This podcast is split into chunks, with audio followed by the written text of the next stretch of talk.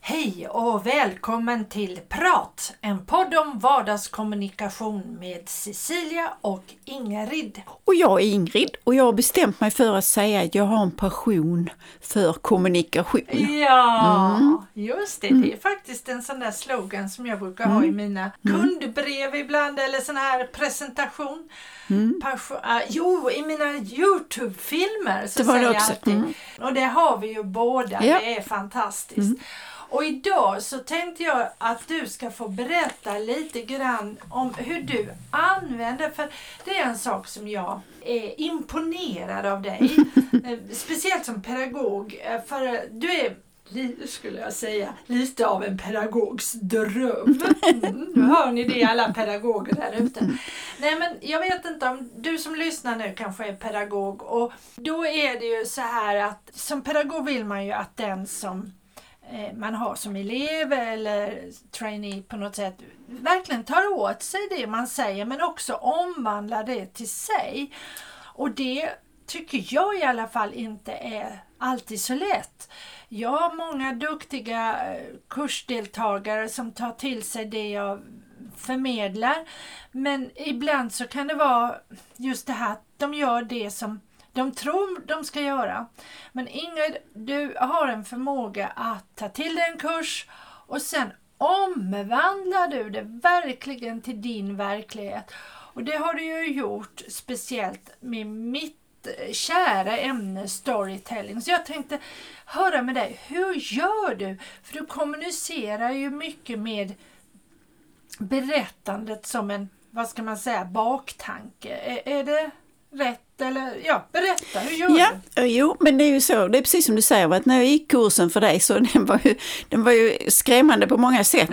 så. Men, men frånsett det så har jag ett behov av att använda det i verkligheten om det går. Ja. Och det jag gör när det gäller berättande, det är för att dels så, det är ju oftast när jag lämnar ett jobb, så att säga, en, en rapport eller ett resultat av en undersökning. Mm. Och då känner jag att jag har ju jobbat med det i rätt så många år och ibland när jag har, eller många år, så såg människorna ut som russin i ansiktet.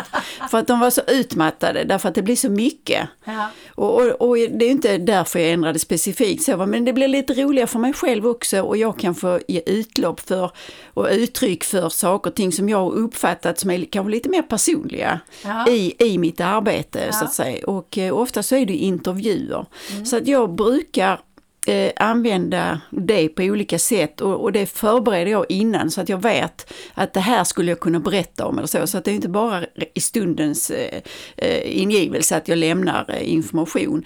Men jag kan se för i de sammanhangen när jag då lämnar ett resultat så kan jag säga att det här var intressant eller detta var det hände olika saker och, och då inbillar jag mig att man, man kommer ihåg mig. Mm man kommer ihåg det jag sa. Mm.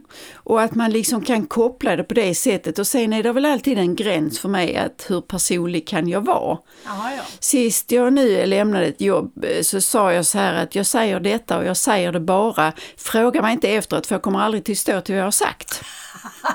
Och då sa de så här att jaha, du kanske borde vara politiker så. Ja.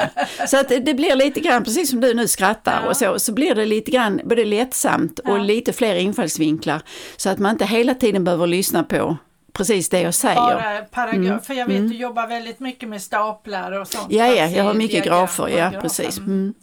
Mycket text och så. Ja. Så att, ja, nej, så att det, nej, och det tycker jag är jätteroligt. Mm. Och just det där att vara lite personlig, eh, för då ofta så får ju människorna som jag ja, som jag pratar med då, då får de fler infallsvinklar. Ja. Kan, kan du ge ett exempel på någon, liksom, du behöver inte avslöja direkt vad du, din berättelse, men lite grann hur du tänker berättelsen eller hur det, ja, kan du ge något sånt exempel? Ja, sist eh, nu där så var det väl lite grann att, och det var liksom ingenting som var planerat. Nej. Men det var en ny person med. Okay. Och jag visste att det skulle vara en ny person med. Ja. Och då, och då var det lite grann sådär att jaha, jag, för jag sa så att ja egentligen så tänkte jag skulle skriva och fråga vem är den nya personen som Ja. så. Men så sa jag så att, nej men tänk nu efter Ingrid, du behöver liksom inte överdriva, det kan du väl tänka ut själv varför det är en ny person med. Ja, ja. Mm. Så berättade jag just det, att hur jag tänkte och hur jag funderade kring det. Och sen så, så sa jag, så kom jag fram till att det är en ny person som ska ersätta en tidigare. Mm. Och det var ju rätt. Och då blev det ju liksom ja, en inledning där utan att man behövde egentligen ta, du vet det där gamla att man ska presentera sig och Nej, sådär. Mm. just det. Så du, du liksom framställde det mer som ett samtal eller som en berättelse istället för Att fråga. att fråga Mm. och då, ta direkta fakta. Mm. Ah, ja. Och sen var det då en person med som börjat för ett antal år sedan. Jag trodde det var tre men det var tydligen fem, tiden går fort. Eh, och hon var, var med på eh, då det första eh, jobbet, jag, eller inte första, men ett av jobben jag lämnade då. Och då fick jag också, eftersom hon jobbar med HR, eller personalsidan, så kunde jag liksom, så, så sa jag så här, vad roligt att du är med. Därför att det finns mycket i det här resultatet som visar på att det är förändring i er verksamhet beroende på de insatser som ni har gjort från personalsidan. Och eftersom du var ny och är ny, inte ny så, men du var ny och att du har, liksom, du har påverkat och gjort förändring. Så kan jag berätta om lite grann vad man har sagt, alltså i intervjusammanhang då Ja, ja. och kopplat till, till den personen. Ja. Och sen så var det ju också så att man pratar om, eh, man pratar ibland om det här med generationsskifte. Och att det kan hända saker som inte är så bra för företaget. Men i det här sammanhanget var det tvärtom. Och då kunde jag liksom också i det, innan vi startade med resultatet och berätta så, kunde berätta lite grann om det. Att eh, jag, jag kunde förstå av intervjuerna jag gjort att ni har gjort förändringar och det beror på den nya generationen som kommer in. Ah, ja. Och det är också liksom att jag kopplar till resultatet men... Så kan du ge exempel då? Ja, ja Mm. precis. Ja, Ja, det. det gör jag då. Till exempel då med alltså att man hade ändrat på ledningsnivå och verksamhetsinriktning, inte verksamhetsinriktning men organisationssammanhang. Eh, sammanhang. Ah, Mm, Ja, vad spännande. Ja, vad kul. Ha. Mm. Och sen så vet jag också att vi pratar ju om då med kulturella skillnader. Mm. Och, och då kunde jag liksom också prata lite grann om det därför att jag har då pratat med personer i Kina, jag har pratat med personer i USA. Ja, Och då kunde jag också berätta lite grann i lättsamma former hur det fungerade. just det, Mm. precis. Och då får ju mottagaren en, en annan eller en tydligare bild Mm. skulle jag vilja säga och framförallt också som du sa innan att de kommer ihåg.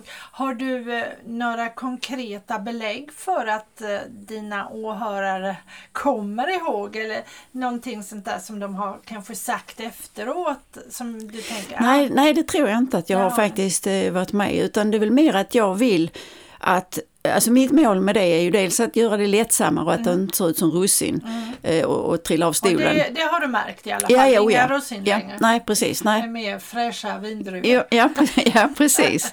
Men, men annars så i min, i min egen målsättning är att de ska komma ihåg mig som person. Ja, ja. Därför att det är jag som har gjort jobbet. Mm. Och jag vill ju att de ska förstå att nästa gång det är dags Mm. så, så vill jag att de ska komma ihåg därför att ja, jag tänkte, ja men Ingrid var ju rätt så bra på det där och hon kunde liksom lägga ut texten och, Ja, lite grann så göra det lite trevligt. Ja. Det roliga med det hela var ju att ena dagen var jag och presenterade jobbet där. Nästa dag så var jag på ett eh, frukostmöte. Och då var jag, alltså jag är alltid lite vilsen var jag ska sätta mig och jag kommer aldrig bland de första och sådär så att jag kan välja utan jag får se var är det ledigt och så. Ja, så då går jag och tittar med min kaffekopp och så tänkte jag här, här kanske är en stol. Och då sitter då eh, personen där, nej men hej Ingrid! Och då visade sig att det var ju då en person som hade varit med på presentationen dagen innan. Ah, jaha. Så sa jag, men hej! Och jag som inte känner igen ansikte, jag har ju stora problem, så sa jag, men du är nog på fel ställe va? För att det är inte här vi träffades och så. Så att det tog lite tid, även om det var dagen innan så tog det lite tid innan jag kopplade, var tusan har jag så. Ja, ja, så att, eh, men, men på henne kunde jag märka att, att hon tyckte att det här var intressant. Mm. Jo, men det, Mm. det, jag blir ju väldigt, väldigt glad av att höra sånt här för det är ju det som är egentligen finessen skulle jag vilja säga med Mm. berättandet. Att dels em, få lätta upp som du säger. Syftet är ju oftast i sådana här sammanhang, eller alltid skulle jag vilja säga, att få åhöraren att ta till sig budskapet och kunna komma ihåg det. Och om, man, om det blir lite lättsammare och vi kan på något sätt att åhöraren kan göra sin egen reflektion och det gör vi bättre. Det är ju mm. till och med evidensbaserat nu mm. när vi går tillbaka och tittar på människan och hur vi fungerar. Så att just berättelsen äh, har en förmåga att, att äh, hjälpa oss att ta mm. till oss budskap. Mm. En som, eh, jag vet inte om jag har berättat om det här i podden någon gång, men eh, jag, eh, Eh, på somrarna här i Simrishamn så brukar vi ha någonting som vi kallar för frukostmöten. Och eh, då kommer det alla möjliga människor, intressanta personer, journalister och forskare ner till eh, hamnplan här i lilla Simrishamn på sommaren och så berättar de om någonting. Och eh, en av mina favoritjournalister skulle man väl kunna säga som jag tycker är väldigt intressant att lyssna till det är Cecilia Uddén. Och, men hon har ju ofta väldigt tunga ämnen och den här gången så hade hon pratat om, jag undrar om inte det var den här eh, eh, upploppen i Egypten. Det var någonting väldigt, väldigt komplicerat och tungt och det var mycket namedropping. Eh, jag kände att jag ville lyssna och jag kände att jag ville ta in det här men jag kände nästan hur min hjärna sprängdes av så mycket information. Men då var hon så skicklig så när vi satt där, och jag tror att jag inte var ensam och kände att mm, nu är det nog. Mm. Då bara bröt hon väldigt snyggt och så gjorde en, en eh, det här påminner mig om, sa hon och så gjorde, gjorde hon en berättelse. Mm. Och det gjorde att det var som, jag kallar det ibland för bensträckare för hjärnan. Mm, mm. Det var som att jag fick liksom koppla av och Paus. genom den här mm, pausen, mm. genom den här berättelsen så gav den mig också en, en insikt av vad andra hon hade sagt. Mm. Och hon inledde ju också hela sin föreläsning med ett par starka berättelser som hon hade varit med om där nere i, i Gazaremsan eller var det var mm. någonstans.